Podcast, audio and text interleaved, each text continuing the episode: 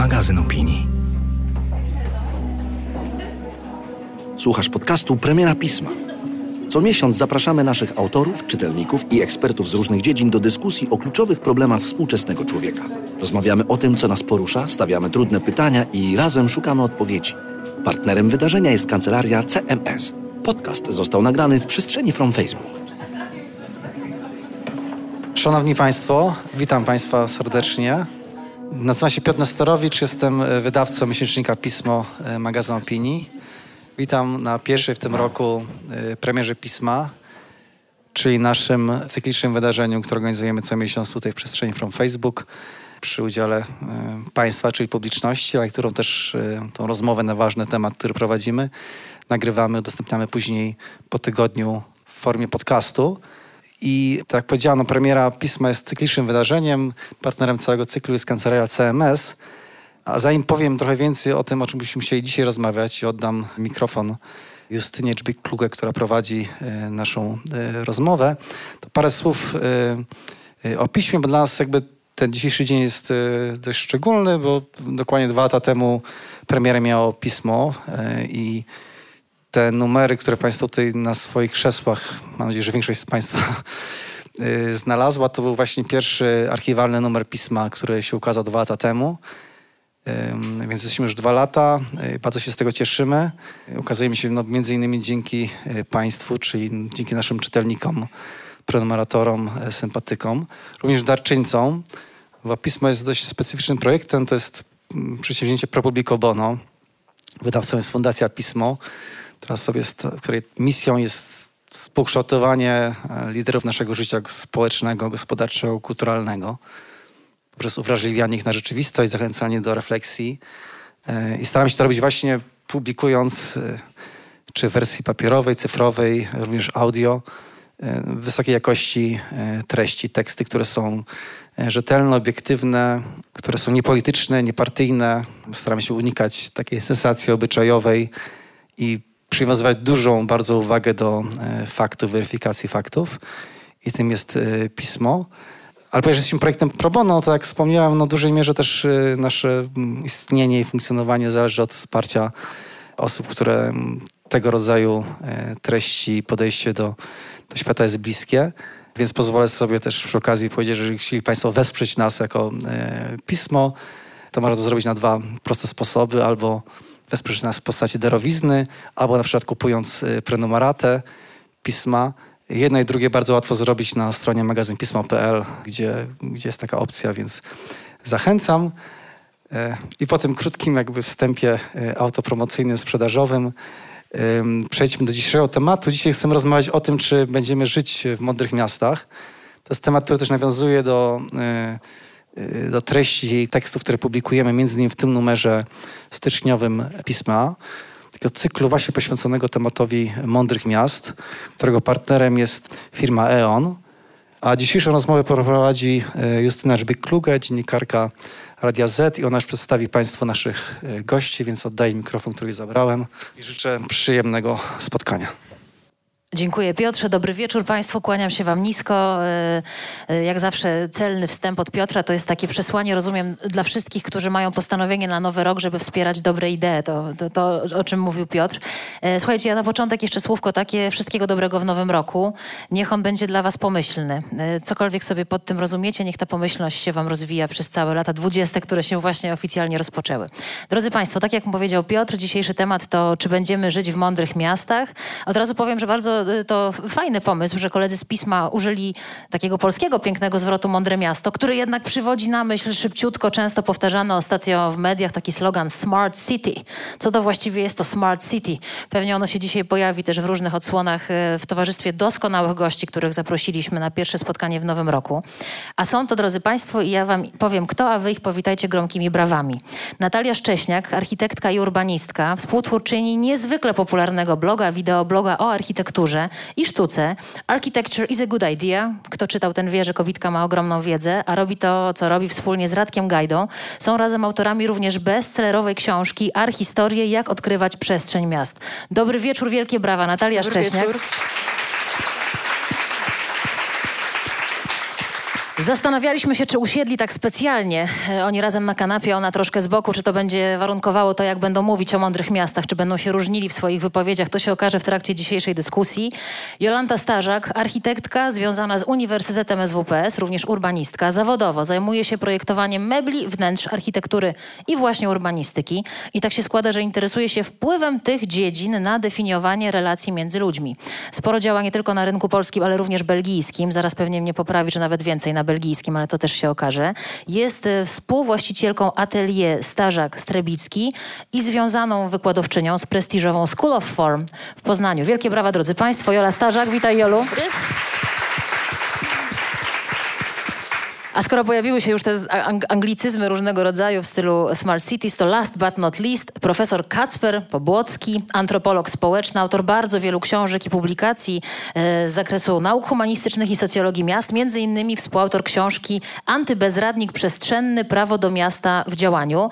Jakąś dekadę temu wprowadził do polskiego języka pojęcie ruchów miejskich, które też sam współtworzył. Pracuje w Centrum Europejskich Studiów Regionalnych i Lokalnych Eurorek Uniwersytetu Warszawskiego, a dziś się fajnie składa, bo jest jednym z autorów e, styczniowego numeru pisma. Znajdziecie w tym numerze jego tekst, o którym dzisiaj będziemy mówić. Panie profesorze, brawa dla pana. Kłaniam się, dobry wieczór. Drodzy Państwo, zawsze jest tak przy okazji premier pisma, że na początek ja troszkę gości przepytuję i staram się postawić w takim pod gradobiciem pytań, jak to się mówi, w, w ogniu tych pytań, ale liczę również na Państwa, więc jeśli tylko będą e, pytania, wolne wnioski, to nie jest e, dyskusja akademicka. Tutaj ten czas na zadawanie tych pytań jest dużo wcześniej niż po upływie całej dyskusji, więc jeśli jakieś rzeczy się będą w Waszych głowach rodziły, to ja się staram dosyć czujnie patrzeć na publiczność i te pytania wychwytywać. E, kochani, od ogółu do szczegółu e, dyskusja o mądrych miastach zacznie się od pytania do Was, e, do każdego z Was o to, jakie Waszym zdaniem największe wyzwania stoją przed również polskimi miastami, a wszystko po to, żebyśmy w stronę tej mądrości miast szli. I chciałabym zacząć od pana profesora. Już nie będę z tym panem profesorem Kacper, już będę mówić na, trochę cię na początek tutaj w kopie, ponieważ jak się państwo domyślają, byśmy się trochę naradzali przed tą dyskusją. Ja zapytałam państwa o to, jakie wyzwania by wskazali. No i Kacper mi napisał takie trzy wyzwania. Uwaga, przed miastami. Patriarchat, kryzys klimatyczny i praca. Że kryzys, że pracę to jeszcze zrozumiem, ale patriarchat? E, no, to jest też dla mnie duże zaskoczenie. To jest mój drugi tekst dla pisma i drugi tekst napisałem o patriarchacie. Pierwszy tekst dotyczył e, ludowej historii Polski, czyli też tematu, który teoretycznie nie jest jakoś z tym związany. No, ja trochę nie chcę spoilerować, nie wiem, czy powinienem spoilerować. Odrobinkę można. E, ten tekst e, też zajmuje się ostatnio innymi projektami i długo nie pisałem o miastach i jak pomyślałem o tym, co napisać dla, do tego numeru, to zrobiłem takie podsumowanie um, tego, co, e, co wykracza troszkę poza horyzont myślowy tego, co się nazywa miastopoglądem. Myśmy też to pojęcie de facto stworzyli około 10 lat temu e, w Polsce, jak zorientowaliśmy się, że de facto można o ludziach w Polsce mówić nie tylko przez pryzmat obywateli, e, ale też poprzez pryzmat mieszkańców. To jest takie potoczne słowo, które nie miało charakteru politycznego jeszcze 10 lat e, e, temu. Mówiono na przykład o społeczeństwie obywatelskim, nie mówiono, o ruchach miejskich. E, to był taka, była próba upolitycznienia bardzo istotnej, ogromnej części naszej rzeczywistości, o której w ogóle nie potrafiliśmy rozmawiać. Jeszcze 10 lat temu nie było w polskim języku słowa, które odpowiadałoby, opisywałoby o człowieka, który mieszka w mieście, którego naturalnym środowiskiem zamieszkiwania jest miasto. Cały nasz język, cała nasza wyobraźnia tak naprawdę pochodziła z czasów, w którym to człowiek był istotą wiejską, w którym jakby większość e, e, populacji ludzkości mieszkała e, na wsi. No więc w języku angielskim jest takie słowo urbanite, które określa właśnie mieszkańca i mieszkankę miasta. W Polsce mówiono troszkę o mieszczaństwie, ale wiadomo, że nie o to chodzi, więc myśmy użyli tego słowa mieszczuch, które opisuje osobę, która mieszka w, w, mieście. Więc 10 lat temu mniej więcej stworzono jakby takie pojęcie właśnie miasto poglądu, czyli pewnego, pewnej perspektywy na rzeczywistość, która e, pozwala nam mówić o tym, że mieszkamy w miastach, że urbanizacja jest bardzo ważnym aspektem naszej rzeczywistości, naszej kultury, naszego e, społeczeństwa. E, i ten miastopogląd ma bardzo wyraźne jakby granice i tymi te, trzy, te trzy wyzwania, o których tutaj e, napisałem, one troszkę wykraczają poza horyzont jakby wyobraźni tego, co, e, o, tego, o czym mówi się przez pryzmat jakby ten e, miejski. Stąd ten, ten, mój, ten mój tekst też stara się jakby pokazać pewne granice tego miastopoglądu. On jest bardzo, on był bardzo przydatny w tym sensie, że pozwalał nam opisać pewien fragment rzeczywistości, który wcześniej był nieopisany i też nie, był nieupolityczniony w tym sensie, że nie, nie mieliśmy narzędzi, żeby żeby mieć na to wpływ. Tak?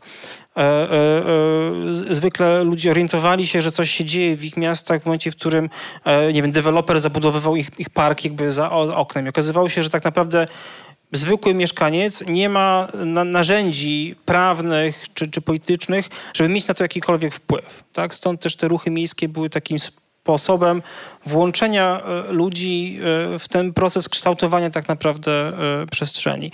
I to się działo przez 10 lat i troszkę okrzepło, więc jakby stąd ta lekka prowokacja, żeby troszkę pokazać granice jakby tego miasta poglądu i tej wyobraźni miejskiej i tego sposobu powiedzenia sobie świata jakby poprzez pryzmat urbanizacji. To czy, ja wiem, że ty nie chcesz spoilerować, ale nie streścimy absolutnie twojego tekstu i tak państwo nawet po spoilerze przeczytali, bo go na pewno z dużym zainteresowaniem, ale czy chcesz powiedzieć, że w jakiś sposób funkcjonowanie miast determinuje patriarchat, czyli że miasta są przyjaźniejsze dla facetów? No, tam pada, pada przykład y, y, odległy i bliski. Przykład odległy to jest przykład Bogoty, która jest jednym z takich miast, które wyznacza w moim przekonaniu horyzont tego, co, jak można faktycznie zmieniać y, miasta, jak można faktycznie mieć jak w jaki sposób można sprawić, że miasta są takim wehikułem progresywnej, e, dobrej zmiany i odpowiedzi na wyzwania XXI e, wieku. I pada też przykład bliższy e, Polski całej, całego zamieszania wokół organizacji Euro 2012 o której wiele osób chyba w Polsce zapomniało, ale która była bardzo ciekawa, bo nagle okazało się, że bardzo dużo pieniędzy poszło w organizację, w poznańskim przykładzie, w poznańskim, e, w Poznaniu na przykład, e, trzech międzynarodowych e, meczy. I cała dyskusja wokół tego wydarzenia, de facto konsensus pomiędzy lokalnymi władzami i dziennikarzami, że to jest świetny pomysł biznesowy, z dzisiejszej, dzisiejszej perspektywy wygląda jak naprawdę taki hokus pokus i totalne banieluki. Nawet policzyłem, miasto Poznań wydało 750 milionów złotych na remont stadionu. Budżet miasta wtedy wynosił około 3 miliardów e, e, złotych. Umowa e, z, miast, z, z Lechem Poznań zawiera klauzulę, że miasto zarabia 650 tysięcy złotych rocznie na wynajęciu tego stadionu. Ja policzyłem, że ten, żeby na to patrzeć jako mądrą inwestycję biznesową, to ta inwestycja z, z, e, zwróci się nie w kolejnym dziesięcioleciu, nawet nie w kolejnym stuleciu, tylko w kolejnym tysiącleciu. E, i tak naprawdę zastanawiając się, dlaczego, e, dlaczego wszyscy jakby kupili ten pomysł na modernizację, jedyną tak naprawdę odpowiedzią, która mi przychodzi do głowy, to jest patriarchat. I e, jest też takie przekonanie, że sport jest masową rozrywką i to był jeden z sztandarowych argumentów, który był powtarzany, że warto w to inwestować. Więc jakby e, warto spojrzeć na liczby. Okazuje się, że to są te liczby, które też tam są wyeksponowane w tym artykule, że więcej osób korzysta z kultury w dużych polskich miastach niż chodzi na mecze pierwszoligowych e, zespołów. Więc jedyną odpowiedzią, znaczy jedynym odpowiedzią na pytanie, które mnie przekonuje, dlaczego o, e, kultu, o dużych instytucjach kultury, takich jak, nie wiem, CSW e, w Warszawie, na której, do, do którego przychodzi rocznie ponad 200 tysięcy osób, Dlaczego o takich instytucjach mówi się jako instytucjach niszowych? E, one są chronicznie niedofinansowane. Osoby, które tam pracują, mają bardzo, bardzo niskie pensje. A z drugiej strony mamy piłkarzy, którzy są gwiazdami, zarabiają bardzo duże pieniądze, nawet jeżeli grają tam w bardzo niskiej e, lidze. Mówi się o tym wydarzeniu, o, o, o, tej, o, o tych wydarzeniach jako wydarzeniach masowych. E, nie ma problemu, żeby wydać lekką ręką bardzo duże pieniądze, żeby e, zapewnić tym ludziom rozrywkę i tą infrastrukturę. No więc to jest męska rozrywka, tak? Więc to jest jakby jeden z, z przykładów jakby tego, w, jaki, w jakim, jak bardzo patriarchat jest ugruntowany ugruntowany gdzieś w naszym myśleniu o tym, w co warto inwestować, a co nie. I znów, jakby ten, jak spojrzy się z perspektywy de facto już prawie dekady na to wydarzenie, to te wszystkie argumenty, że, e, że Poznań będzie jak druga Barcelona, e, że, że, e, że, że dzięki tym trzem meczom zyska taką wielką widzialność na mieście, że potem przyjedą tłumy turystów, to wszystko są banieluki. Ja to też posprawdzałem w tym tekście, to jest dosyć gruntownie opisane. Więc naprawdę to jest jedyna odpowiedź, która mi przychodzi yy, do głowy, która by tłumaczy, dlaczego tak łatwo to tak naprawdę przeszło. No to teraz zapyta, zapytam architektkę i urbanistkę, która e, na moje pytanie o wyzwania powiedziała rozwój. Rozwój może być szeroko rozumiany. Czy twoim zdaniem, Jola, jakieś takie projektowanie niezgodne z patriarchatem pchnęłoby miasta w stronę mądrości i tego rozwoju, o którym ty mówisz jako o wyzwaniu? E, ja myślę, że ten patriarchat to jest oczywiście też bardzo szerokie pojęcie i trzeba by je dodefiniować, ale też myślę, że rozwój, e, przynajmniej rozumiany z mojej perspektywy, może też być e, takim postrozwojem, czyli pojęciem odnoszącym się do degrowth, czyli takiego uważnego, starannego i skromnego myślenia o tym, czym jest dla nas rozwój. Czyli może rozwój jest dla nas rezygnacją z konsumpcji i uważnym spojrzeniem na to, jakie w danej okolicy, w jakim mieście są wartości i rzeczywiście oparcie rozwijania tych wartości wokół elementów, które rzeczywiście mogą nam w tym pomóc i sprawić, żeby to miasto było mądrzejsze. E, jak widać, Poznań ma wiele wyzwań, bo nie jest miastem mądrym, patrząc na przykład e, stadionu ale też wydaje mi się, że, e, że bardzo w przypadku Polski bardzo ważną rzeczą jest e, spojrzenie na takie trzy zagadnienia. E, jedną z nich jest zamieszkiwanie i zagadnienie urban sprawl, czyli rozlewania się miast na wielkie połacie domków jednorodzinnych. I jeżeli odniesiemy się z kolei do hasła zmian klimatycznych i kryzysu klimatycznego, to ta kompaktowość w zabudowie i, i fakt, że na przykład e, Belgia i Holandia, którą dobrze znam, więc jestem w stanie o niej mówić, e, zakłada, że minimalna gęstość zabudowy powinna wynosić 25%, 25 e, domów na hektar, gdzie w Polsce jest to 8 do 10 E, no to od razu możemy to bardzo łatwo też przełożyć e, zamiast miękkich rzeczy jak e, ciągłość, uważność i szacunek do klimatu na pieniądze. Ile potrzebujemy dróg, ile potrzebujemy rur. Także, także myślę, że to jest takie w ogóle pomyślenie o tym, jak mamy w przyszłości zamieszkiwać. To się odnosi też do zrównoważonego rozwoju i mobilności zrównoważonej, czyli w jaki sposób dojeżdżać w różne miejsca, w jaki sposób zorganizować na nowo to, jak się poruszamy między miejscem zamieszkania, pracą, jak korzystamy z miasta, w jaki sposób te suburbia, które już mamy w tej chwili, podłączyć pod tą infrastrukturę miejską, czy, czy w ogóle zmienić strategię i zrobić coś innego z tym.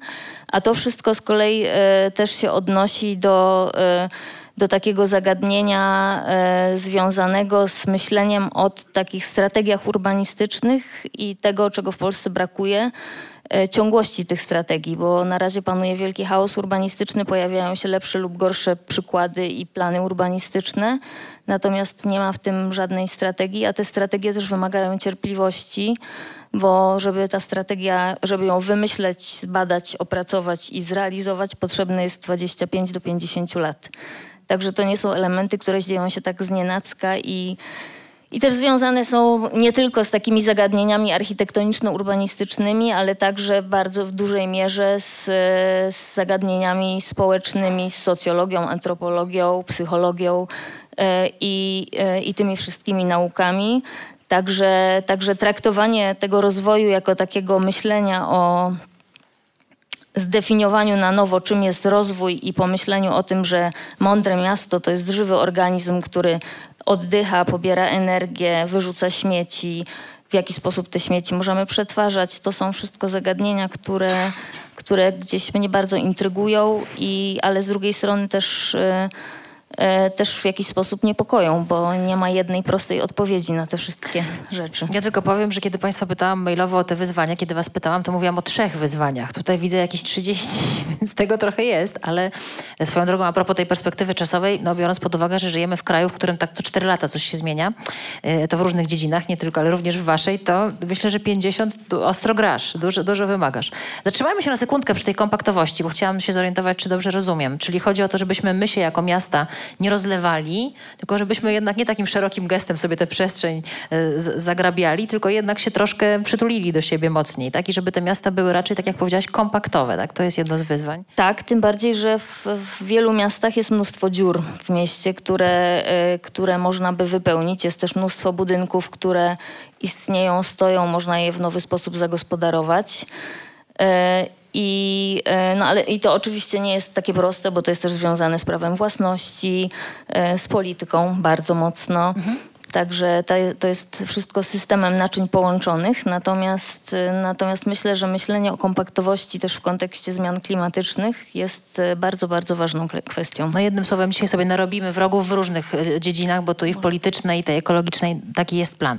E, to ja w ramach dygresji powiem tylko Państwu a propos tej kompaktowości, że przed tą debatą rozmawiałyśmy z Basią Sową z Pisma o tym, że ona już się orientuje, że im jest starsza, tym ma mniejszą ochotę jeździć do innych dzielnic i chętnie by załatwiała na przykład tylko wszystko wszystko w obrębie Bielan, więc to nie jest kwestia wieku, Basiu, to jest kwestia koncepcji miasta. Każdy by chciał mieć to miasto bardziej przytulone i żeby na przykład w przykładzie Warszawy, jak się ma przyjaciółkę na Wilanowie, a mieszka się na Bielanach, nie spędzać godziny w samochodzie lub też półtorej.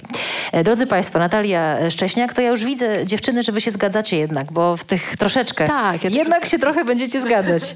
Bo w tych koncepcjach i w tych wyzwaniach, jak, kiedy zapytałam Natalię, Natalia napisała przedmieścia rozlazłe i coraz większe, które utrudniają, e, ekologia, ekologiczny transport. Więc zatrzymam się przy tym trzecim punkcie, Natalia, twoim, czyli dostosowanie miast do potrzeb wszystkich pieszych. Kto to jest wszystkich pieszych? Wszystki pieszy. Każdy, każdy pieszy e, to, to jest każda osoba, nie tylko zdrowy, bezdzietny singiel e, w okolicach trzydziestki, ale e, także osoby, które poruszają się i w inne, na inne sposoby, o kulach, z wózkami dziecięcymi, no, czyli te dzieci też w tych wózkach, one też mają prawo przemieszczać się po mieście. To są też dzieci małe, na przykład kilkuletnie i dostosowanie, myślę, że to jest jedno właśnie z tych trzech wyzwań, o które prosiłaś y, y, mailowo, że to jest jedno z tych y, z trzech najważniejszych wyzwań, żeby miasta były dla każdego. Że, I właśnie, żeby wszystko załatwić w obrębie jednej dzielnicy. Ja to w ogóle lubię w obrębie jednego kwartału załatwiać. Po co, po co jechać gdzieś dalej? Więc bardzo się cieszę, jak się nowe punkty czegokolwiek otwierają, bo wiem, że dzięki temu mam więcej możliwości i cieszę się, jak się buduje koło mnie jakiś nowy sąsiad, bo wtedy wiem, że coś tam się będzie działo nowego i że będę mogła więcej rzeczy załatwić w obrębie swoich e, e, dwóch nóg sprawnych póki co, e, którymi mogę się, się przemieszczać. Ale właśnie chodzi o to, żeby myśleć nie tylko przy projektowaniu, nie tylko o tych, którzy nie mają problemów z poruszaniem, którzy mogą biegać, chodzić i skakać, pokonywać wysokie krawężniki, ale właśnie, żeby projektować uniwersalnie i dla każdego. Czy w waszych rozmowach, rozmowach architektów, urbanistów, myśli się o tym, że za chwilę wszyscy będziemy starzy i tych nas starych będzie bardzo dużo? Bo w różnych dyskusjach, przy różnych wątkach porusza się wątek starzejących się społeczeństw, również ludzi żyjących w miastach, którzy się starzeją. I tu się pojawia pytanie, na ile miasta, i o tym się mówi i myśli, dyskutuje, będą przyjazne również dla seniorów i będą otwarte dla seniorów. Takie mądre miasta, czy, czy to są miasta, w których seniorzy też, bo często jest tak, że seniorzy po prostu już się w nich nie odnajdują i sobie siedzą w swoich mieszkaniach i tyle. No tak, to jest właśnie kwestia tych drobnych y, zmian w infrastrukturze, y, które y, powodują, znaczy brak tych zmian, to jak jest, powoduje, że osoby, które y, mieszkają na czwartym piętrze, to chyba w piśmie byli więźniowie Oczywiście, czwartego nagradzany piętra, reportaż. Nagradzany reportaż, więźniowie czwartego więźniowie piętra. Czwartego piętra. Y, oni y, mieszkają na czwartym piętrze, gdzie do czwartego piętra nie, nie musi być do tej pory chyba, prawda? Nie, do tej pory nie trzeba budować windy w blokach mieszkalnych. No i dopóki jesteśmy młodzi, zdrowi i sprawni i, i, nawet jak jesteśmy starzy i sprawni, to nie jest to taki wielki problem wejść na to czwarte piętro, ale w pewnym momencie robi się to bariera nie do pokonania. W pewnym momencie jest tak, że e, ci starsi ludzie zaczynają wychodzić tylko wtedy, kiedy jest to konieczne, a potem przestają wychodzić w ogóle i starają się po prostu dostosować otoczenie do tego, żeby jakoś im pomagało w tym trwaniu, w tym jednym mieszkaniu. I właśnie, i co się dzieje nawet jak oni zejdą z tego czwartego piętra już wyjdą na zewnątrz i cały czas mają te problemy ze wzrokiem, mają problemy z poruszaniem się, a no, mamy ruchliwe ulice, wysokie krawężniki, przejścia na kładkach, które cały czas są budowane. To jest w ogóle jakiś ja nie mogę w to uwierzyć, że cały czas y, w Warszawie nawet są budowane przejścia nad ulicą, że trzeba wejść po schodach, przejść na drugą stronę i zejść po schodach, żeby przejść na drugą stronę ulicy albo y, przez tunel. Y, no, ale to, to jest, dobre, no bo to jest bezpieczne, bo nie tak, idziesz tą prawda? ulicą, więc no samochód tak się nie potrąci. Bezkolizyjnie, bezkolizyjnie. Wszyscy jesteśmy bezpieczni. W ogóle to jest strasznie wygodne, prawda? Że możemy sobie iść nad tą rzeką samochodów, obserwować, jak one pięknie jadą. To jest takie romantyczne bardzo, prawda?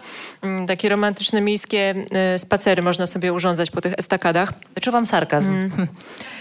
Tak, no, no otóż chyba mało osób się wybiera na takie spacery i y, raczej ludzie są w stanie ryzykować życiem i po prostu przebiegać przez te jezdnie. Po to są te płoty postawione w poprzek, żeby tego nie robić, bo, bo po prostu ludzie wybiegają, bo najprostsza droga to jest zawsze na poziomie zero. No dobra, słuchajcie, ja wiem, że dzisiaj y, od tych wyzwań zaczynamy, więc dużo roboty przed nami. Jeżeli słuchają nasi jacyś decydenci, to się zbierajcie, bo będziecie mieć pracę na 50 lat i więcej.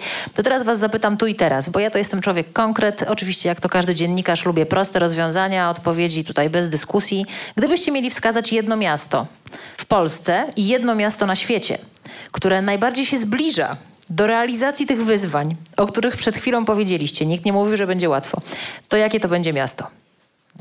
Natalia. Dwa miasta. Jedno w Polsce, jedno na świecie. O tych wyzwaniach wiemy, trochę widzimy, w którą stronę idziecie, w mądrość. To teraz kto to już trochę robi?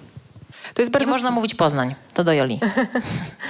E, to jest bardzo trudne pytanie, bo e, no w Polsce jakby ta myśl urbanistyczna nie jest e, zbyt wysoko latająca, że tak powiem. Jest raczej...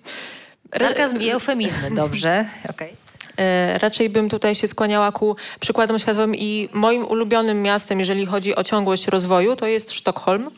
E, I ja naprawdę bardzo, e, bardzo szanuję to miasto ze względu na to, że Pierwszy projekt urbanistyczny powstał tam, o ile się nie mylę, w 1630 roku i od tamtej pory oni kontynuują ten, to, co zostało wtedy zaczęte, że to się nie zmienia po czterech latach, ani po 40, ani po 140, tylko po prostu przez y, no, prawie 400 lat już y, oni kontynuują Oczywiście z modyfikacjami, bo to, to miasto jest nowoczesne yy, i też z błędami, ale z tych błędów się wycofują. Na przykład teraz, yy, a w ogóle Sztokholm też jest yy, takim miejscem, gdzie dużo rzeczy było zrobionych po raz pierwszy.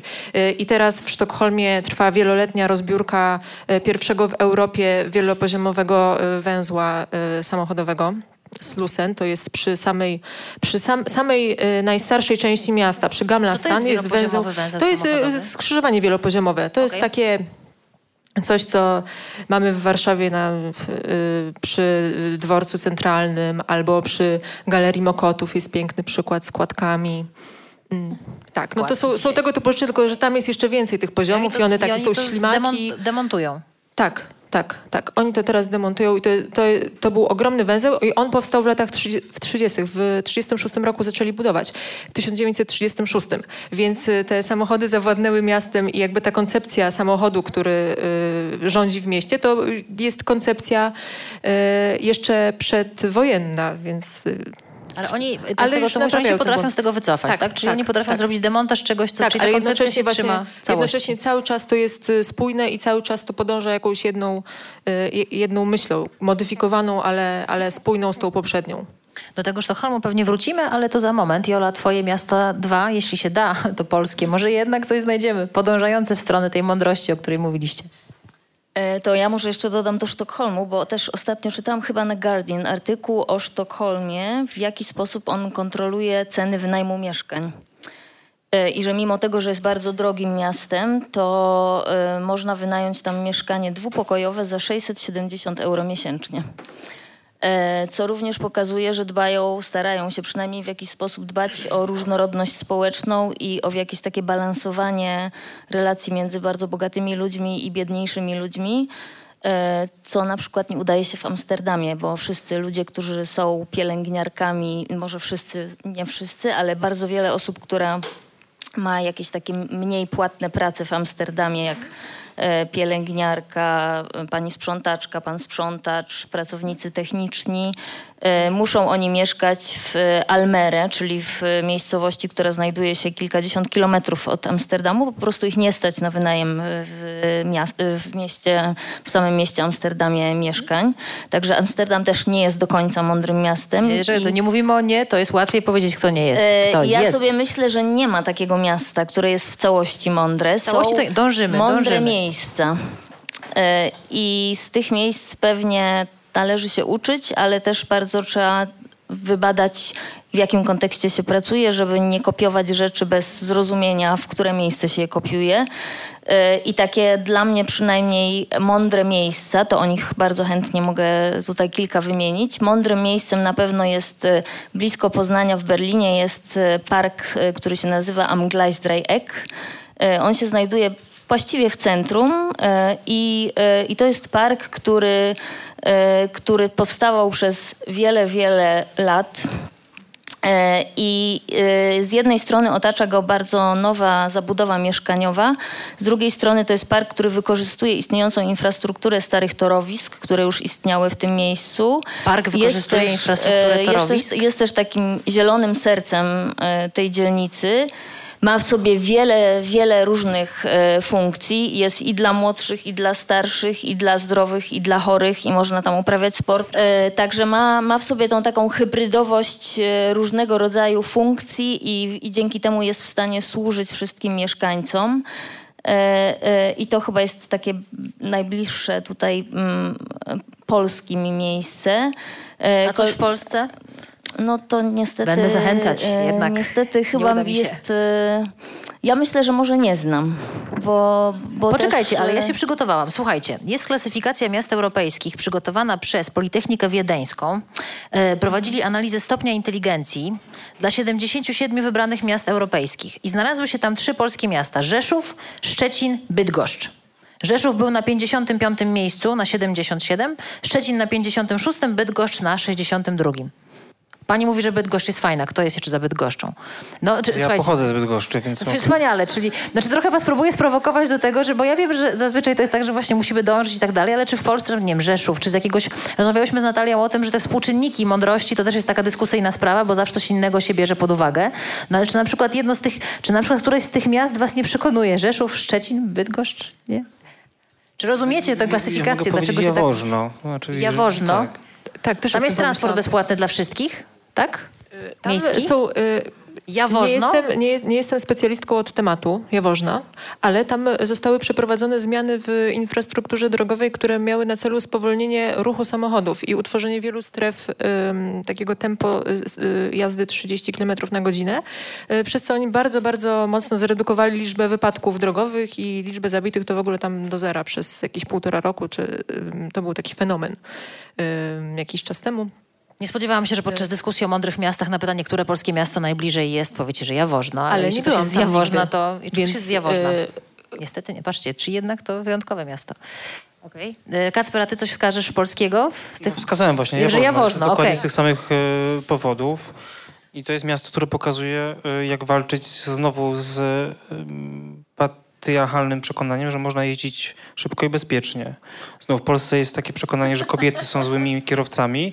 Znów, jak spojrzymy na Ale te statystyki, prowokujesz, matko. to... Ale nie, bo właśnie chodzi o to, że to się w ogóle to jest totalna bójda. To się w ogóle nie pokrywa z danymi. Więc ja znowu sprawdziłem, jak wygląda statystyczny polski wypadek samochodowy i on odbywa się w terenie zabudowanym, przy dobrej pogodzie i statystycznym sprawcą wypadku śmiertelnego w Polsce jest mężczyzna w wieku, tam, nie pamiętam z głowy, to jest w tekście, między 25 a 34.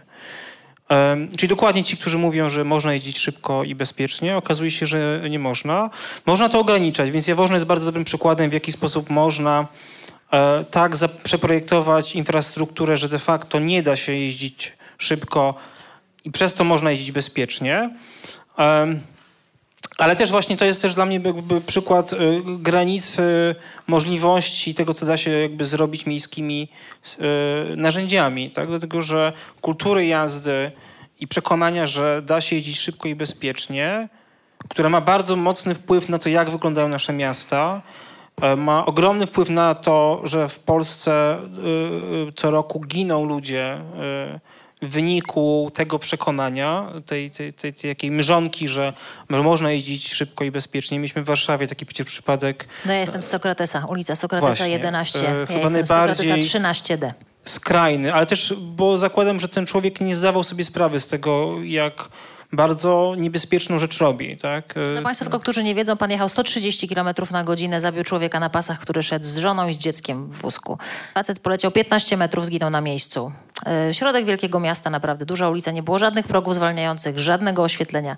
To taka... e, taka Tak, więc to jest też właśnie przykład, który pokazuje, że te miejskie problemy, problemy, które wpływają bardzo mocno na kształt naszego życia w mieście, ich jakby mm, powody czy ich geneza jest niemiejska, tak? bo ta kultura jazdy wynika tak naprawdę z takiego pewnego modelu męskości, który w Polsce funkcjonuje, że facet właśnie powinien szybko jeździć i oczywiście jeździ też bezpiecznie. Tak? Ale Em, też, jeśli mogę jeszcze się wtrącić, dotyczy to ilości, bo też musimy pamiętać o tym, że Polska jest y, chyba w sześciu, jeśli się nie mylę, najbardziej zasamochodowionych krajach Unii Europejskiej. My mamy ponad chyba 670 samochodów na tysiąc mieszkańców, podczas gdy średnia Unii wynosi 530, y, w Belgii i w Holandii jest to 500. I wtedy to nie jest kwestia już miasta, które może coś z tym zrobić, tylko to jest kwestia polityki krajowej, bo w Holandii ludzie mają mało samochodów, bo jest podatek od samochodu. Od posiadania samochodu płaci się podatek, więc jeżeli każdy Polak musiałby zapłacić 5 tysięcy złotych rocznie za posiadanie samochodu, to myślę, że każdy z nas by przemyślał, czy rzeczywiście potrzebujemy dwa albo trzy samochody w rodzinie. lub szybko znalazł lukę w prawie, e, jak nie płacić. E, Słuchajcie, e, wracając jeszcze, jeśli mogę, Kacper, słowo o przykładach światowych. Jeden taki mądre miasto, do którego ty byś nas zaprosił, to? Czy moje ulubione miasto to jest Tokio, właśnie też z tych względów, że to jest miasto bez samochodu i mieszkanie tam było, no to jest naprawdę bardzo ciekawe doświadczenie, y, bo samochód tak bardzo zdominował nasze myślenie o mieście, że w ogóle nie potrafimy sobie wyobrazić, jak to może... Tak. Więc na przykład dla mnie największym szokiem w Tokio było to, że to jest miasto totalnie ciche. E, gdzie jak, jest odwrotnie tak jak u nas. U nas jest tak, że wychodzisz jakby z cichej przestrzeni prywatnej na harmider jakby ulicy, bo te samochody cały czas jeżdżą. A, a w Tokio jest dokładnie odwrotnie, że przestrzenie wewnętrzne są głośne, bo tam są ludzie w restauracjach, muzyka i tak dalej. Wychodzisz na ulicę i cisza. Ale ciekawe. E, I e, Tokio jest bardzo fajnym przykładem e, miasta, które pozbyło się samochodów trochę przypadkiem, bo na przykład jednym z, jednym z elementów prawa japońskiego jest to, że żeby kupić samochód musisz mieć dowód na to, że masz miejsce parkingowe, co wynika jakby trochę z, jakby z, z tego, w jaki sposób Amerykanie przeorganizowali system prawny Japonii po okupacji, więc to nie do końca jakby jest ich zasługa. To też jest wynikiem tego, że suburbanizacja w Japonii w latach dwudziestych była organizowana przez firmy kolejowe, a nie przez samochodowe. To jakby jest osobna historia, więc e, suburbanizacja w Tokio była ciągnięta przez kolej, która organizowała metro.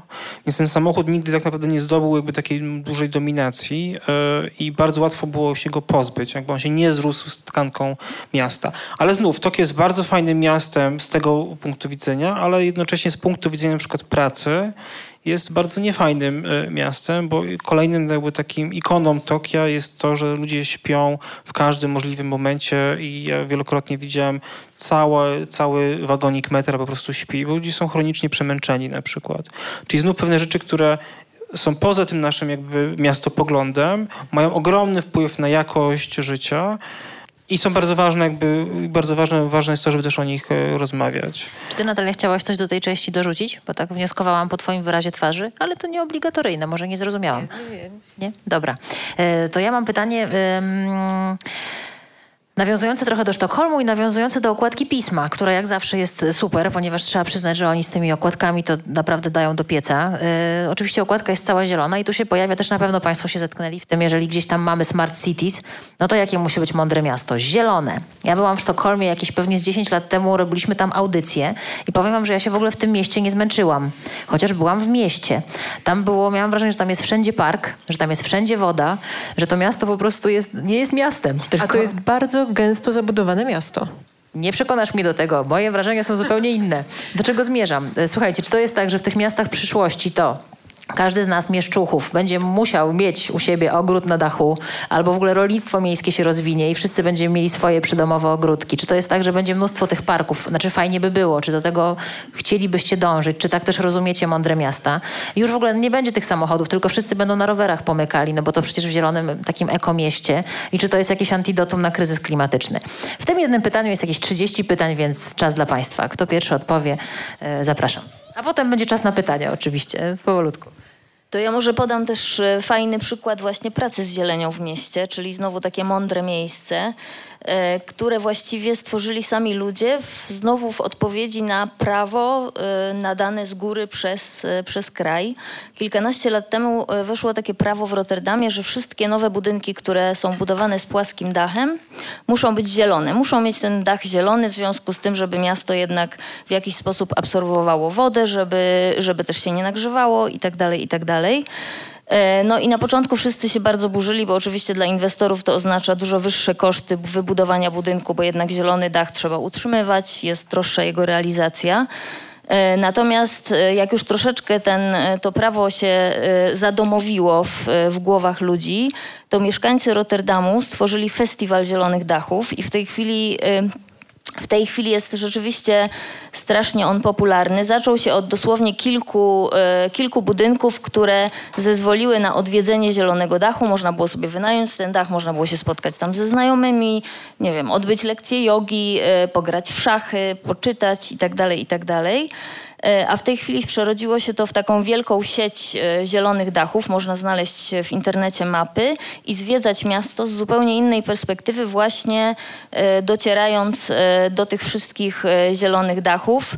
Nie wszystkie niestety mają dostęp z windą, więc nie są one wszystkie dostępne dla, dla osób nie do końca sprawnych. A Natomiast... czy jest przejście z jednego dachu na drugi? Czy to jest, e, nie, to rzeczywiście jest trzeba... takie podróżowanie, zmienianie perspektywy, czyli patrzymy na coś z góry, zjeżdżamy Chyba, w dół. że dobrze skaczesz. Ale, ale też dołączyły do tego duże budynki użyteczności publicznej, wliczając parkingi wielopoziomowe, także niektóre z tych dachów są naprawdę ogromne. Największy teraz niedawno otwarty będzie mieć 7 tysięcy metrów kwadratowych. Słuchaj, czy są jakieś takie badania, jaki procent dachów w Rotterdamie to są zielone dachy?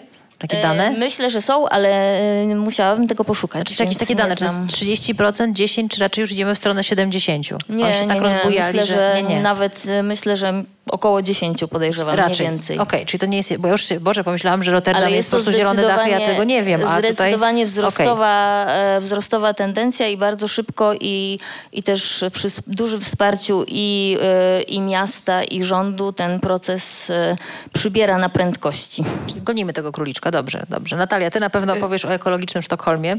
Zielonym od e, lat. Ja bym chciała, a propos jeszcze tego Sztokholmu i e, właśnie nawiązać do tego, co powiedziałaś, że ty nie wierzysz w to, że to jest gęsto zabudowane miasto. Okej, okay, bo zwróćcie uwagę wszyscy y, też Państwo na to, że y, zieleń w mieście i percepcja nasza tej ilości zieleni w mieście jest bardzo subiektywna i wcale nie zależy od tego, jak dużą powierzchnię faktycznie y, w mieście zajmują parki czy jakieś tereny zupełnie rekreacyjne, ale też zależy od tego, jak dużo jest takiej zieleni na co dzień, czyli że na ulicy czy rośnie drzewo, czy też w ogóle nie, albo czy jest gdzieś jakaś trawa, czy są nawet kwiaty w doniczkach na balkonach. To też jest jakaś zieleń, którą widzimy przemieszczając się po mieście.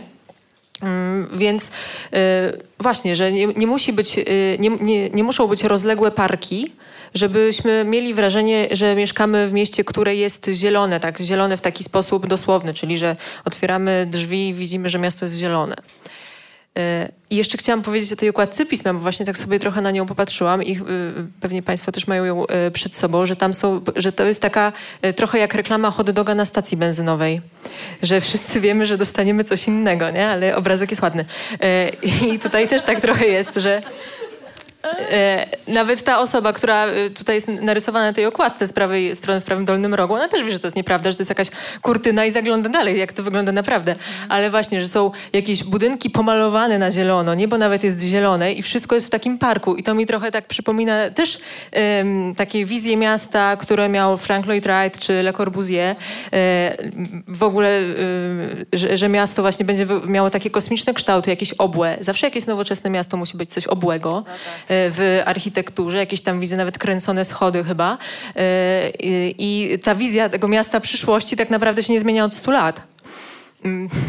Mm. A, ale, czekaj, czekam na puentę, czy y, słusznie tak, się nie zmienia, no, czy niesłusznie. Do, nie wiem, no cały czas, eksperci cały... nie są opłacani przez pismo, żeby dobrze o okładkach mówili, tylko mogą również cały czas, cały, cały, czas, cały, cały czas myślimy, że przyszłość będzie wyglądała jakoś tak jak z kosmosu, a tak naprawdę cały czas żyjemy w tych samych miastach, więc te miasta przyszłości to są te, które mamy dzisiaj. No to jest wniosek i że taki, takie hasło transatlantyki płynące po Morzu Zieleni, czyli że będziemy mieli mnóstwo zieleni, a pośród tej zieleni będą budynki, no to też już było. No i tu już mamy mamy zrealizowane nawet takie koncepcje i to się nazywa osiedle za żelazną bramą w Warszawie, i, a w, w innych miastach to każde blokowisko można pod to podciągnąć, bo właśnie bloki miały stać e, w zieleni i to miało być to idealne miasto. Więc to nie chodzi o samą powierzchnię parków, żeby odczuwać y, zieloność ich.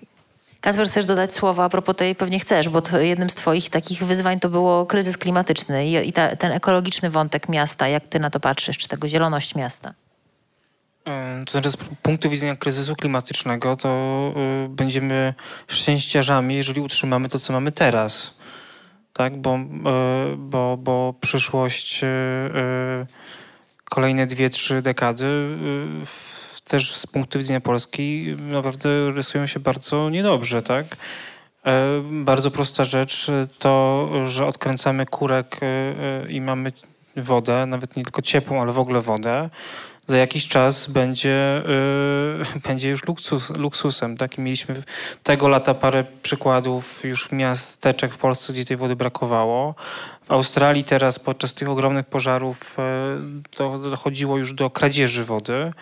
Więc my żyjemy w rzeczywistości, jakby żyjemy w przyszłości, to jest przyszłość trochę maksowa. Nam się wydaje, że jeszcze jakby nic się nie zmieniło, bo faktycznie nas to jeszcze w tej chwili nie, nie dotyczy. Natomiast te wyzwania są bardzo dramatyczne. One też się będą zazębiać. Tak? Mówiliśmy o kryzysie klimatycznym z jednej strony, z drugiej strony mówimy o starzeniu się. Te dwie rzeczy będą się działy równolegle. E, my mówimy o nich osobno, natomiast te dwa procesy w, w rzeczywistości będą się zazębiały i będą się też e, amplifikowały. Tak, w tym sensie, że w momencie, w którym okaże się, że właśnie te osoby na tym czwartym piętrze bloku w Śródmieściu albo zupełnie bardzo daleko na domku, który ktoś sobie wybudował z takim przekonaniem, że super będzie mieszkać przy lesie, a potem tak naprawdę nikt tam nie będzie mógł dojechać na przykład, albo mhm. ktoś będzie dostanie ataku serca i, i bardzo trudno będzie tej osobie wyjechać i tak dalej. Starość e, w odizolowanym domku jednorodzinnym jest troszkę chyba inna niż młodość, tak? Więc e, no więc okaże się na przykład, że, y, że to, że mamy miejską wyspę ciepła, że w latem w centrum Warszawy, a na peryferiach jest nawet kilkanaście stopni różnicy, mhm. Y, będzie miało ogromne y, znaczenie i tak dalej, i tak dalej. Więc jakby z punktu widzenia miast przyszłości, to, to okej, okay, mamy tę ideę Smart Cities, która jest tak naprawdę brandem marketingowym. Są same targi, gdzie można jakby pojechać i i, i zobaczyć jakieś now, now, nowinki techniczne, które, e, e, które tak naprawdę nie zmieniają jakby natury rzeczy. Tak? Kwestia właśnie zwartości miasta to jest tak naprawdę kwestia fundamentalna i się nie da rozwiązać jakby nową technologią. To jest takie e... najczęściej powtarzane. Smart City to nowe technologie. Nowe technologie nie, rozwiąż, jakby nie rozwiążą, nie rozwiążą problemów. E, absolutnie. Jakby to jest, można mnożyć przykłady takiej utopijnej e, przekonania, że technologia sama w sobie coś rozwiąże. To jest nieprawda, po prostu to jest nieprawda. E, całe doświadczenie jakby ludzkości pokazuje, że technologia sama w sobie nic nie daje. E, więc e, nie no, z punktu widzenia miast przyszłości, to naprawdę myślę, że za 30-40 lat będziemy z nostalgią wspominać te czasy, kiedy odkręcaliśmy wodę i nie, nie zastanawialiśmy się, kiedy tą wodę zakręcić, tak? Słuchajcie, na podsumowanie tej części naszego spotkania chcę Państwa zapytać o e, jedną rzecz. Natalia powiedziałaś tak pięknie, że te miasta przyszłości to są de facto miasta, w których żyjemy. To nie jest jakaś nagle wizja, że ktoś przyjdzie właśnie z nową technologią, zrobi tak i ta Warszawa będzie wyglądała jak na okładce pisma. Ale w piśmie jest bardzo interesujący artykuł o takim mieście Detroit, o którym pewnie Państwo słyszeli z jak najgorszej strony. Okropnym, koszmarnym, wstrętnym, zniszczonym, opuszczonym, zbankrutowanym. Ludzie tam palą pustostany, no w ogóle jakaś Armagedon ostatni. I ten Detroit, to, to Detroit próbuje się odrodzić.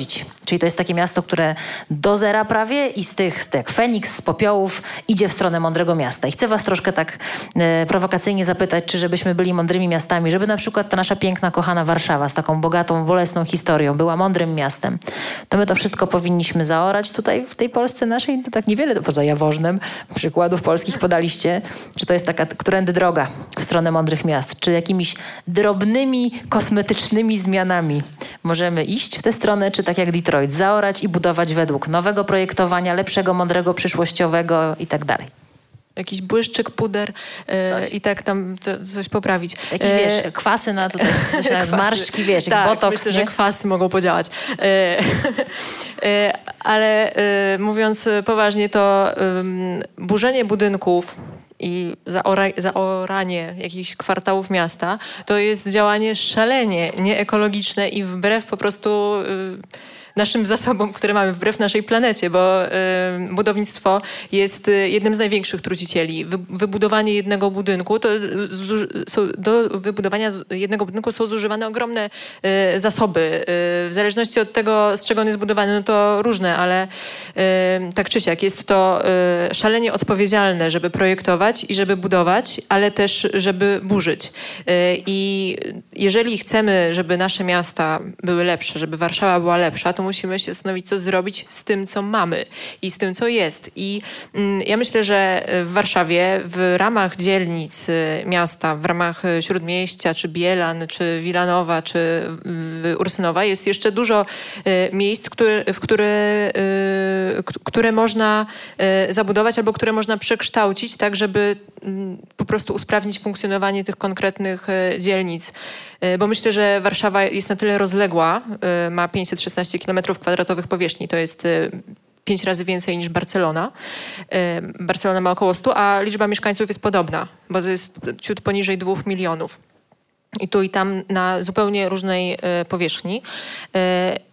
Więc y, Warszawa jest bardzo rozległa, dlatego myślę, że y, tutaj należałoby przyjąć taką strategię, żeby tworzyć lokalne y, centra, lokalne y, ośrodki, które w ramach takiego poli, policentrycznego trochę miasta będą funkcjonowały troszeczkę niezależnie od siebie, w sensie, żeby w, każdym, w każdej dzielnicy, żeby można było i y, mieć swój, swoje mieszkanie i pójść do pracy. I, i mieć rozrywkę i zakupy takie miasta, miasteczka w mieście, tak? Żeby się trochę to jakoś tak, bardziej tak. skupiło tak. i to będzie przyszłościowo to by było lepsze. Dlaczego? Ekologicznie? Nie, nie y, wiem, nie to jeździlibyśmy chodzi... tyle? Między, tak, nie jeździlibyśmy tak tyle nie jeździlibyśmy tyle y, i to jest już bardzo, bardzo dużo, bo też mniejszą y, powierzchnię dróg moglibyśmy zużywać, bylibyśmy zdrowsi. I to jest taki argument, który może do nas indywidualnie przemówić, bo siedzenie w samochodzie jest po prostu niezdrowe dla nas, bo jesteśmy 8 y, godzin w pracy siedzącej, a potem y, jeszcze w samochodzie na siedząco. Mm, y, więc jeszcze to przecież zabiera nam czas. A gdybyśmy mogli wszystko y, załatwić, powiedzmy, w ramach 20-minutowego y, spaceru, i tak właśnie jest też y, ta, ta próba podniesienia Detroit, polega na tym, że są tworzone takie dystrykty, które można mm, przemierzyć w 20 minut piechotą i, w nich są właśnie tworzone różne atraktory, które mają tam spowodować, że ludzie mogą tam załatwić wiele, wiele rzeczy, nie ruszając się jakby z, ty, z tego kwartału. I tak, to powoduje, że, że chodzimy, czyli mamy ruch jakiś podstawowy. Możemy załatwić dużo, dużo rzeczy na, y, na piechotę. Też kupujemy lokalnie. Mm, miasta mogą być bardziej wydajne pod względem infrastruktury, też nie tylko dróg, ale też y, y, instalacji.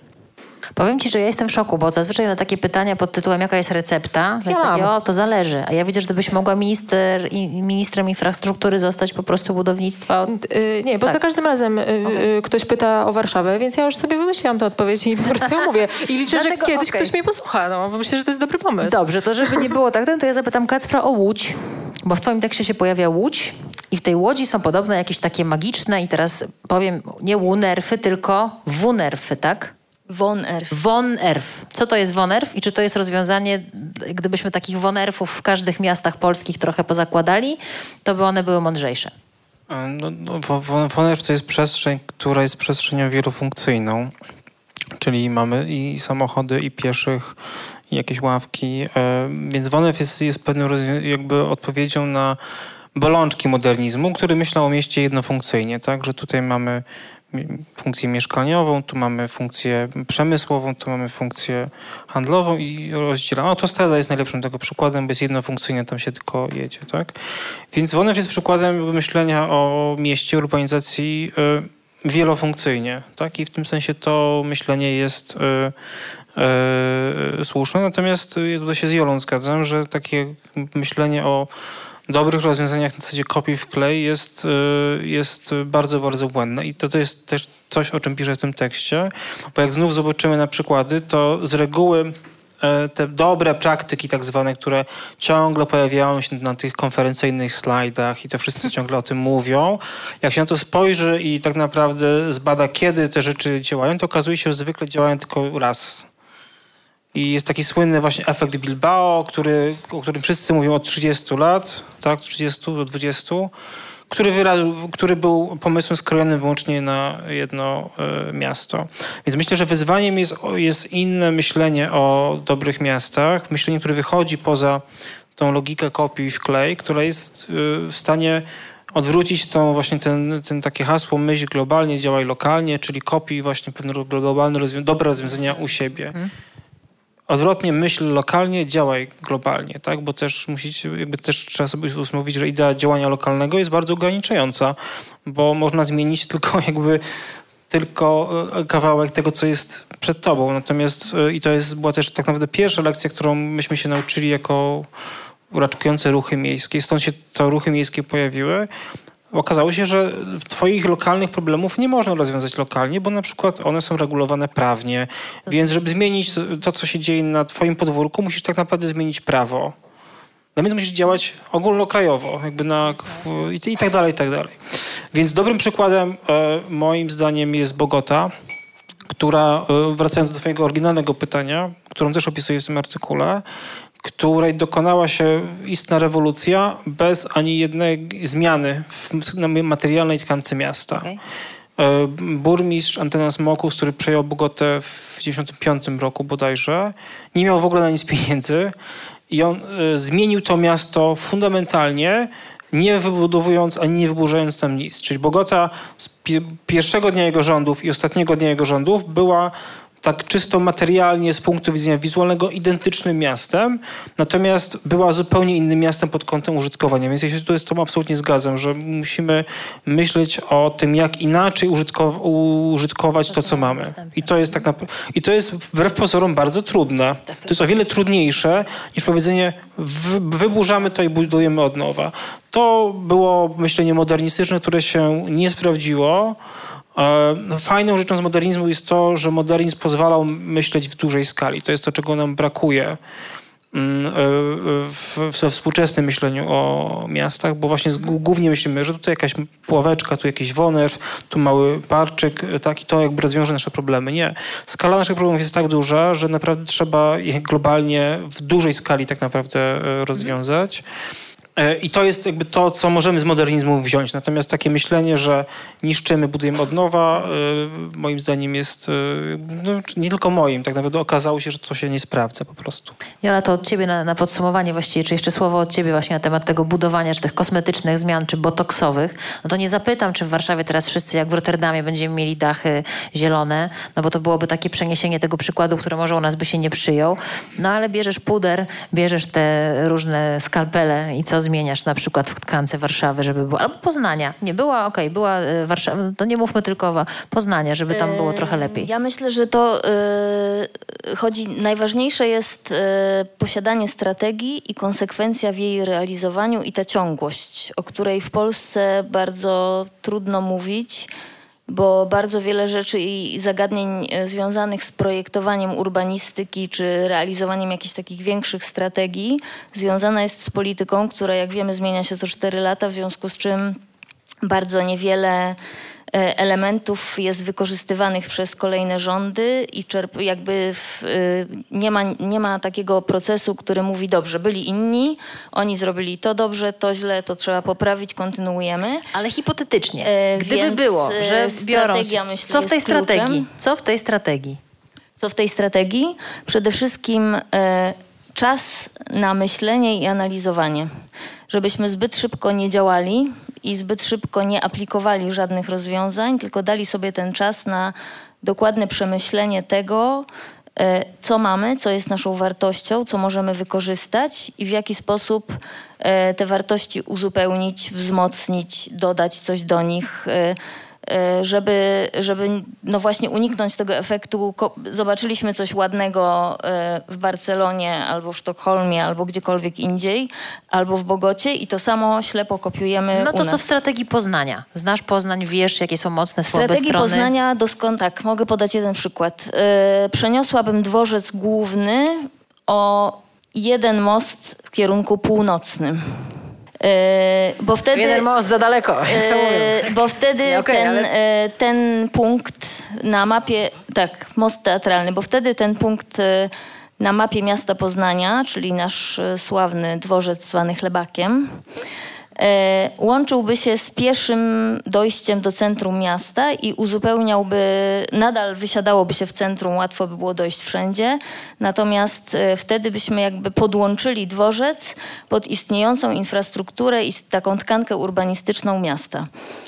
Niestety ja mamy... Kontynu. Kontynuując, na miejscu Starego Dworca przeniósłbym kampus Morasko, który został tak. suburbanizowany. Drodzy Państwo, jeśli macie jakieś miasta, które trzeba na szybko poprawić i chcielibyście to załatwić teraz, w ogóle e, pro publico bono, w ogóle wszystko, to mówcie, które miasto, gdzie co przenosimy.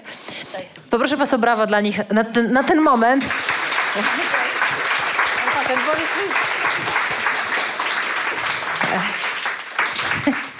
Lubię konkrety, fajnie. Kto z Państwa pyta? Niech pyta, kto pyta nie błądzi, wiadomo, tu mamy y, wspaniałego naszego wolontariusza z mikrofonem. Dobrze widzę. E, dzień dobry, dobry. wieczór. Słuchać mnie? Tak.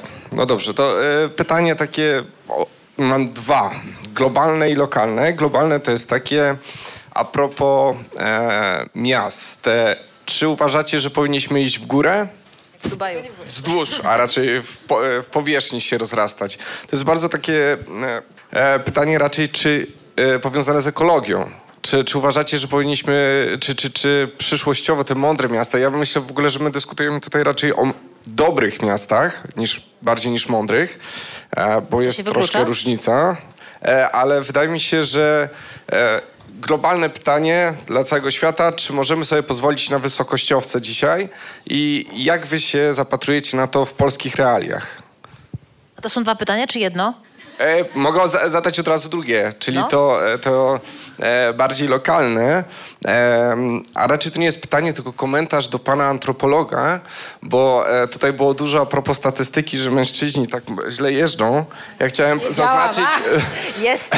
chciałem Mamy zaznaczyć, to. że musimy tutaj porozmawiać o e, liczbach względnych to znaczy, jak, ile statystycznie młodych e, osób, e, mężczyzn jeździ, ile statystycznie kobiet i wtedy podzielić przez liczbę wypadków i wtedy dojdziemy do jakiegoś konsensusu. Ale liczba bezwzględna nic tam nie daje. Doskonale, słuchajcie, za trzy tygodnie, będzie, za trzy miesiące będzie dyskusja o feminizmie. E, nie, oczywiście. Nie, nie, mogę być niestety, przepraszam. Okej, okay, ale skupimy, skup, czy skupimy się na tym pierwszym pytaniu? Możemy na tym, czy z góry? E, Jola, czy ty odpowiesz na to A pytanie? Ja bym chciała dopytać, co to jest kontekst Polski i, i pójście w górę, budowanie wysokich budynków, bo e, chciałabym lepiej zrozumieć chyba kontekst tego pytania. E, jakby to powiedzieć, e, tutaj e, ulubione miasto Jaworzno, ale skala Jaworzna jest malutka. Ja na przykład e, mieszkam w Trondheim w Norwegii, które teraz postawiło wszystko na ruch pieszy i rowerowy i jesteśmy w stanie to zrobić jakby w Norwegii, bo to jest 140 tysięcy mieszkańców. Ale jeśli mówimy o Warszawie, która ma na przykład 2 miliony, albo o Jaworznie, nie wiem ile ma Jaworzno. Ale to mm, podejrzewam, że to jest wielka metropolia, ale e, podejrzewam, że efekt skali jest tutaj inny. Więc e, chodzi mi może nie o skalę polską, rzeczywiście źle się wyraziłem, ale o skalę miast. Czy uważacie, że w dużych miastach możemy sobie pozwolić na wysokościowce? To jest szczególnie pytanie do tam pani architekt urbanistki, chyba dwie są e, urbanistki. Dokła- brawo, brawo dla pana. Przepraszam, ja jestem konstruktorem, e, także i, e, z urbanistami mało współpracuję, ale e, z tego co rozumiem, specjalizacja e, urbanistyki jest na architekturze, więc... Dobra, dobra, czyli, ale to jest ciekawe, bo ja jednak wrócę do pytania, to damy radę. Czyli czy miasta takie duże jak Warszawa mogą sobie pozwolić na to, żeby nie iść w górę? Tak, tylko żeby się... Nie, bo to jest takie pytanie Gdzie bardzo... budować, tak? Gdzie mieszka? A to co, gdzie mieszkać? Czy w ogóle jak... Nie, nie, nie, bo pytanie jest takie, jak jeżdżę sobie na konferencję, to w Niemczech jest wielka dyskusja, czy w ogóle budować, czy zakazać wysokościowców, bo one są tak nieekologiczne, komunikacja jest tak przez nie zachwiana, e, że w zasadzie nie możemy mówić o zrównoważonym rozwoju i budowaniu miast przy wykorzystaniu budynków wysokościowców, e, wys- wysokościowych. No i I teraz... Ja e, myślę, że tu Już patriarchat pani może wie, co wejść jak spokojnie. odpowiedzieć. Dobra, bardzo panu, pięknie, brawa dla tego pana. Słuchajcie, wielkie ukłony dla pana. Bardzo dziękujemy. Znaczy ja y, może nie odpowiem można bądź nie można, ale wydaje mi się, że y, bardzo ważnym pytaniem o, albo analizą, która może dać odpowiedź na to pytanie jest takie zagadnienie, które się nazywa Life Cycle Assessment, czyli takie badanie cyklu życia. Y, I ono występuje w dwóch, y, w dwóch takich y, kierunkach. Z jednej strony badamy cykl życia budynku inwestycji jakiegoś projektu w kontekście e, jego wpływu na środowisko z czysto takiego, e, czysto myśląc o, o wpływie negatywnym na, e, nie wiem, zużycie, na przykład wyprodukowanie zanieczyszczeń, ślad węglowy itd., itd. E, Wysokie budynki najczęściej są budowane z betonu. Beton jest bardzo nieekologicznym materiałem. Niektóre kraje też dyskutują o tym, żeby w ogóle zakazać używania betonu w architekturze. Przykładem tego takiego kraju jest Belgia. E, także to znowu wymaga strategii, ale też ten life cycle assessment odnosi się do takich bardzo miękkich zagadnień i wtedy analizujemy to z perspektywy social life cycle assessment, czyli takiego wpływu e, na środowisko danej inwestycji czy danego procesu, który chcemy przeprowadzić, ale właśnie w kontekście zmiany poprawy jakości życia ludzi, kontekstu kulturowego itd., itd., różnych konsekwencji miękkich, które mogą się zmienić w wyniku zaaplikowania w danym miejscu tego, mm, tego projektu. Także nie ma takiej łatwej odpowiedzi można, nie można. Ponownie ja jednak będę optować za tym, że trzeba mieć strategię i Warszawa na przykład musiałaby przeanalizować sobie, y, kim chce być za lat 50 czy za lat 100 i wtedy na tej podstawie zdecydować, czy w pewnych fragmentach miasta Będziemy budować wysoko, w pewnych fragmentach miasta nie będziemy budować wysoko. E, oczywiście też e, im bliżej centrum, tym droższe są grunty w mieście, więc każdy inwestor chce budować jak najwyżej, bo wtedy może jak najwięcej przestrzeni sprzedać, wynająć i zarobić e, dużo pieniędzy. I tu wtedy rolą e, rządów jest to, żeby tak wytyczyć ramy działania deweloperów i inwestorów, żeby oni mogli działać, ale w ramach jakichś ograniczeń, które miasto sobie założy właśnie jako swoją ambicję, e, kim chce być, e, kim chce być za te 50 lat, czy kim chce być w obliczu kryzysu klimatycznego, który, e, który bardzo mocno zaczyna nas dotykać. Także ja jestem też fanką w Warszawie Pałacu Kultury, bo wydaje mi się, że tak e, wspaniały budynek pełen różnych instytucji kulturalnych w tak drogim punkcie miasta, to jest e, coś wyjątkowego w skali na pewno Europy, w związku z czym, e, w związku z czym może te wszystkie wysokie budynki powinny być właśnie takimi inkubatorami życia publicznego, a niekoniecznie tylko i wyłącznie komercyjnymi. Natalia, słowo od ciebie a propos dużych, z- wyżej ja czy, czy tutaj, niżej?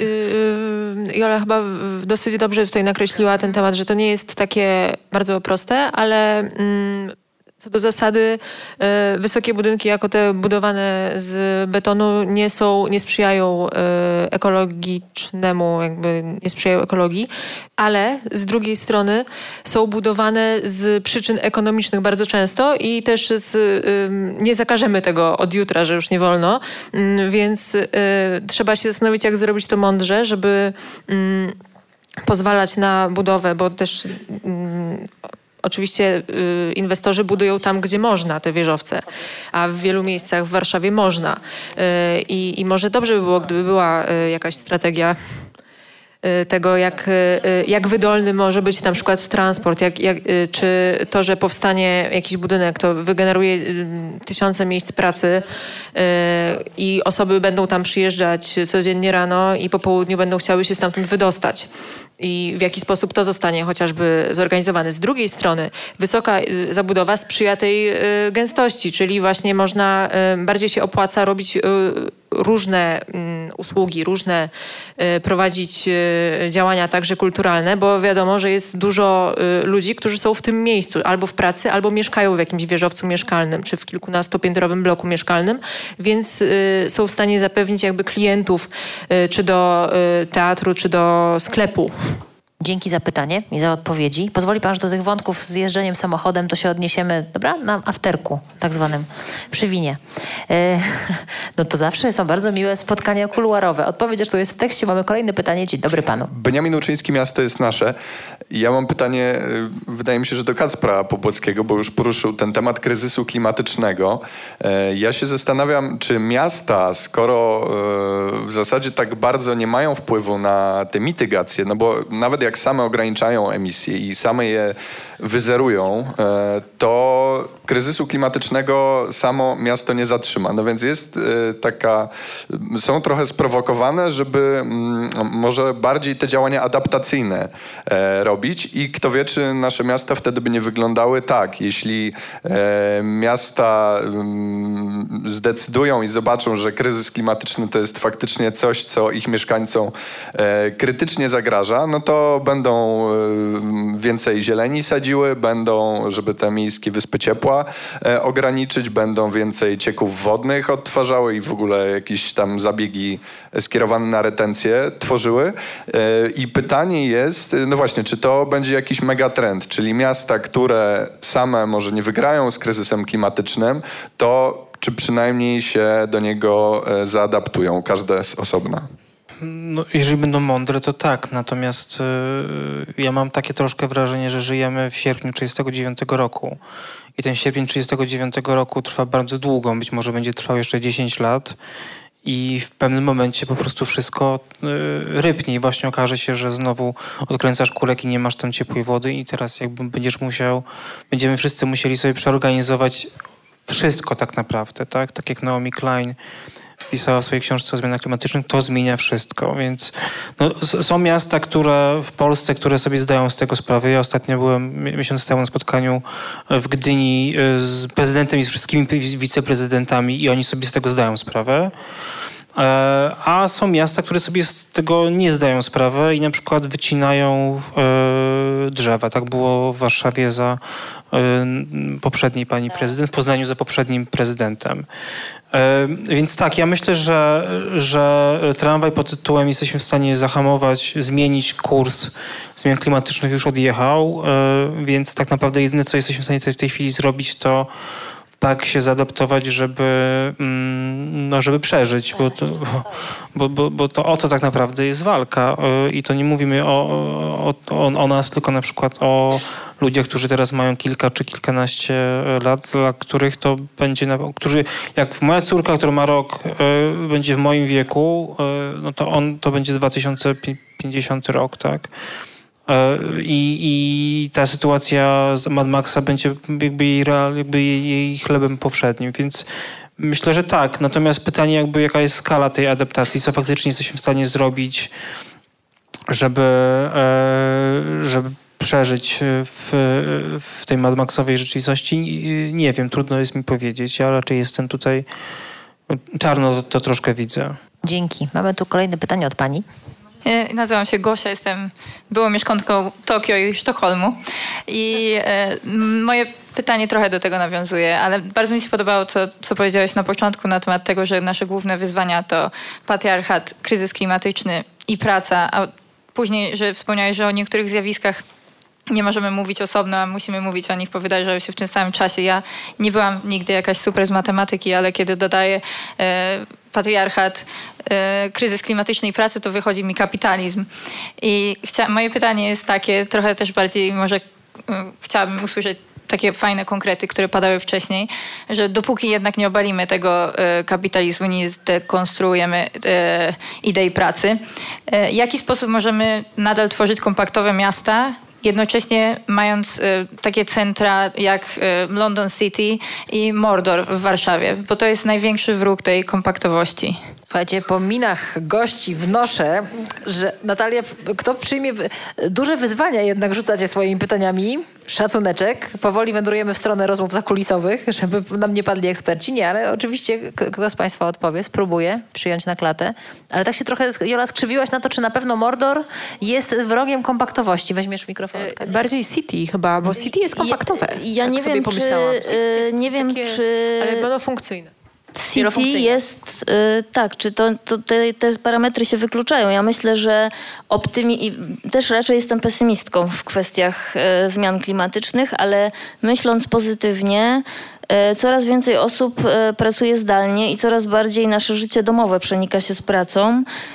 I może to jest jakiś początek i mały zalążek tego, że jednak ta formuła pracy się dla nas wszystkich zmieni i jednak będziemy pracować coraz bardziej w miejscu, gdzie mieszkamy, bądź właśnie w ramach tych naszych lokalnych takich e, węzłów e, życiowych i w związku z tym takie mordory i city zmienią się w osiedla mieszkaniowe albo w jakieś funkcje publiczne, które są nam potrzebne do życia i w ten sposób się rozwiąże ten problem, ale to bardzo trudno jest oceniać. Myślę, że bez jakichś takich szerszego zarysowania, e, szerszego zarysowania strategii. Natalia, chcesz słowo? Nie wyrywaj się tak, no coś ty. Okej. Okay. Kacper? Może tylko pociągnąć ten wątek zazębienia się tych kwestii. To w jaki sposób pra praca i kryzys klimatyczny są ze sobą powiązani, powiązane. Ja w tej chwili postanowiłem, że nie będę latał yy, i yy, E, I to jest bardzo trudne, jeżeli się pracuje na uczelni, bo generalnie trzeba jeździć na wszystkiego, wszystkiego rodzaju konferencje. E, dużo osób jeździ lata, nie wiem, na wakacje, jedzie na weekend do, nie wiem, Honolulu czy coś takiego. Generalnie okazuje się, że jeżeli chcę zmienić, czyli jeżeli chcielibyśmy zmienić, ograniczyć emisję ze względu na latanie, to potrzebujemy więcej czasu, e, potrzebujemy po prostu więcej czasu. Czyli gdyby na przykład prowadzić czterodniowy... Mm, tydzień pracy. Jak Finlandia ostatnio. To okazało się, że być może osoby, które mają do wyboru polecieć gdzieś albo pojechać pociągiem, zdecydują się pojechać pociągiem, bo będą miały na to czas. Tak? Więc to jest dokładnie ten moment, gdzie te, ta sytuacja, w której te dwie kwestie się ze sobą bardzo wyraźnie zazębiają. Czyli jakby ta zmiana, e, ta, ta mądrość miast, życie w tym, tej zglobali, zurbanizowanej planecie e, Ziemia w XXI wieku wymaga jednoczesnej pracy na tych wszystkich polach, o których tutaj mówimy. Tak? I też e, przewidzenie, w jaki sposób one się ze sobą, zazębiają, bo to bardzo trudno sobie właśnie wyobrazić, w jaki sposób kwestie zmiany sposobu pracy zamieszkiwania, czyli ta kompaktowość bądź jej nie i kwestie klimatyczne się ze sobą łączą. One się w rzeczywistości łączą, bo rzeczywistość jakby wykracza po te, poza te wszystkie podziały, które my sobie, te szufladki, które my sobie w głowie robimy, prawda? I to jest bardzo duże wyzwanie, żeby o tych wszystkich rzeczach myśleć y, całościowo. Natalia, tak, słowo? Tylko chciałam, tak, jedno słowo, że y, mówiłeś o lataniu samolotem, ale y, do pracy, ale tak naprawdę no to tysiące ludzi czy miliony ludzi codziennie do miast dojeżdżają y, samochodami do pracy. Y, I to jest coś y, też y, jakby złe na wielu poziomach.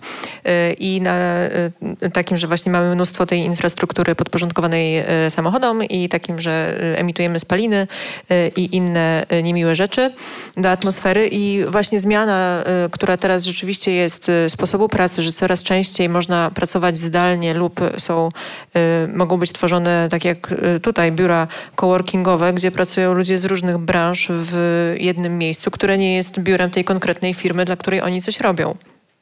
Więc to, to, to są też jakieś zmiany, które mogą dążyć do takiej lokalności, do tego, żeby właśnie nie trzeba było codziennie pokonywać kilometrów we własnym samochodzie.